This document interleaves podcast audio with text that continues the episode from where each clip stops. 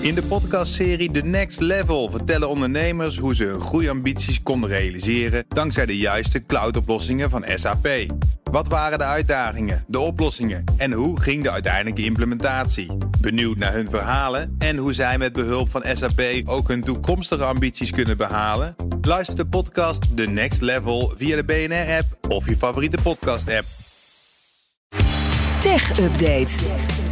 En Mats Akkerman is bij ons. Hey Mats. Hey, goedemiddag. Ja, er werd vanochtend al op gehind. Nu is het officieel. Apple heeft de nieuwste MacBook Pro Ja, aangekondigd. analisten die voorspelden inderdaad dat die vandaag zou worden aangekondigd. En ze hadden het bij het juiste eind, want inderdaad, de officiële aankondiging die is er nu. Met precies wat er al voorspeld was. De belangrijkste verbetering is de nieuwe chip die erin zit. Dat wordt namelijk de M2-chip die Apple in juni al gepresenteerd heeft. Die zit al in de MacBook Air en die komt nu ook in de MacBook Pro, Pro erbij. Eh 20% sneller, meer werkgeheugen, oftewel een betere laptop. Ze zeggen zelf de langste batterijduur van alle Macs ooit. Oh. Eh, tot zes keer snellere prestaties eh, dan de vorige met de oude chips erin. Hij is vanaf vandaag te bestellen en vanaf volgende week verkrijgbaar. Dus hebben we de huishoudelijke mededeling ook weer gehad. Toch? We hebben het hier eerder over die MacBook eh, gehad. En toen zou er, was er een gerucht, ja, ze krijgen een touchscreen. Ja, blijkbaar blijft dat bij een gerucht. Misschien de volgende generatie weer. Ja, want Steve Jobs hield er niet van, eh, geloof ik. Dan kunstenaars die klagen AI-bedrijven aan. Ja, het gaat dan om bedrijven die met behulp van AI, hè, kunstmatige intelligentie, eh, kunstwerken genereren. Wat ik altijd heel fascinerend vind. Er zijn nu drie kunstenaars in de Verenigde Staten die een aantal bedrijven aanklagen. Want om die kunstmatige intelligentie te trainen zijn miljarden online plaatjes van kunstwerken gebruikt. Zonder toestemming van de makers. En dat zou dan een inbreuk zijn op het auteursrecht van die kunstenaars, vinden Kun- zij zelf in Kun je daar een voorbeeld van geven? Nou ja, ja, dus ja, ik maak een schilderij. Dat schilderij dat staat ook gewoon op internet, is op internet te vinden. Zo'n Ja. AI-generator scant gewoon het hele internet af.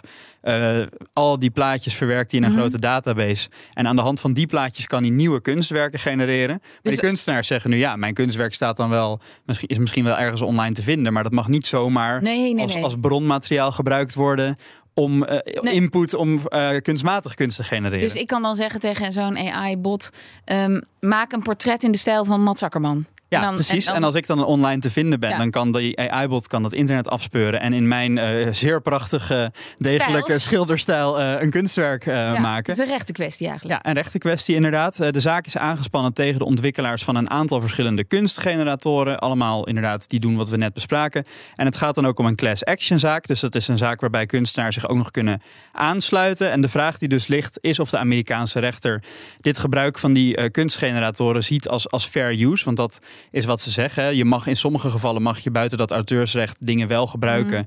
En dan, ja, de rechter moet eigenlijk het oordeel gaan geven: is dit fair use als zo'n schilderij gebruikt wordt voor een artificial intelligence kunstgenerator? En dat is niet de enige aanklacht. Nee, Getty ehm, zegt je misschien ook nog wel wat. Dat is die grote online databank van stokfoto's. Ja. Dus van die hele saaie foto's van man op bank pakt beker. Nou, al die foto's, die eh, doen eh, hetzelfde. Die klagen ook eh, zo'n grote kunstgenerator aan. Want die zeggen ook, ja, al onze stokfoto's die online staan... worden ook gebruikt voor die kunstmatige intelligentie.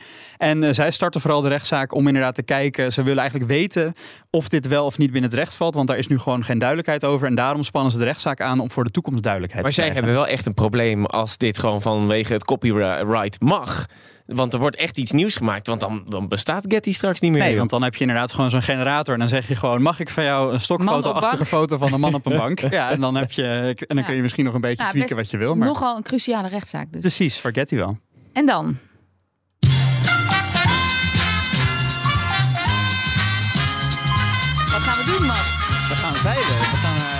Opmerkelijke veiling. Want heb jij bijvoorbeeld nog behoefte aan zes espresso-machines... of twee iets minder waardige koffiemakers... of twee ijskasten bedoeld om pizza's te bewaren... of bijpassende ovens? Nou, zoek dan niet verder, want Twitter heeft namelijk een grote veiling georganiseerd.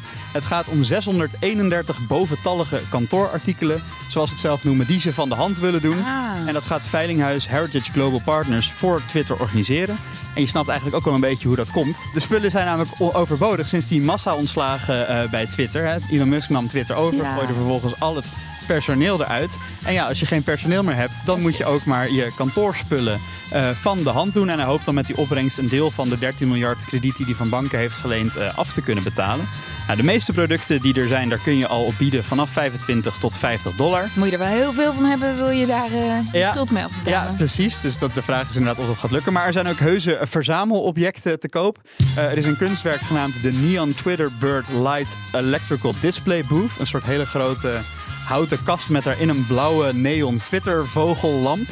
Uh, die start op 50 dollar. Maar goed, de kans is dat dat natuurlijk wel gaat oplopen voor mensen die dat kantoor willen leegkopen. Of wat dacht je bijvoorbeeld van een hele grote plantenbak in de vorm van een apenstaartje teken. Op dit moment gevuld met nepplanten. Maar met een mogelijkheid om ze te vervangen door echte planten. En ook heel veel toegankelijke objecten. 102 stoelen, 97 tafels, 42 krukken, 107 dozen mondmaskers, 68 verlengdozen, nog niet uit de doos geweest. En één biertap. Eén dus, biertap? Ja, dus ik zou zeggen, bij Twitter wordt er wel laf gezopen. Ja, dat zijn geen goede feestjes geweest uh, daar. Nee. op, op al die andere producten is dat heel weinig. En ze verwachten een paar miljoen op te halen, dus niet genoeg om al die schulden af te betalen. Maar als je dus nog iets van het oude Twitter-kantoor wil kopen, dan uh, kun je dat nu online uh, mee gaan bieden. Staat er nog een uh, tweedehands Tesla van Elon Musk? Poeh, die heb ik niet gezien. Maar ik zal straks even kijken wat er nog meer allemaal te vinden is tussen alle pareltjes. Niet te veel bieden, hè, Mats? Nee, nee, nee, nee. Dankjewel, Mats Akkerman. De BNR Tech Update wordt mede mogelijk gemaakt door Lenklen. Lenklen. Betrokken expertise, gedreven resultaat. In de podcastserie The Next Level vertellen ondernemers hoe ze hun groeiambities konden realiseren dankzij de juiste cloudoplossingen van SAP. Wat waren de uitdagingen, de oplossingen en hoe ging de uiteindelijke implementatie? Benieuwd naar hun verhalen en hoe zij met behulp van SAP ook hun toekomstige ambities kunnen behalen? Luister de podcast The Next Level via de BNR-app of je favoriete podcast-app.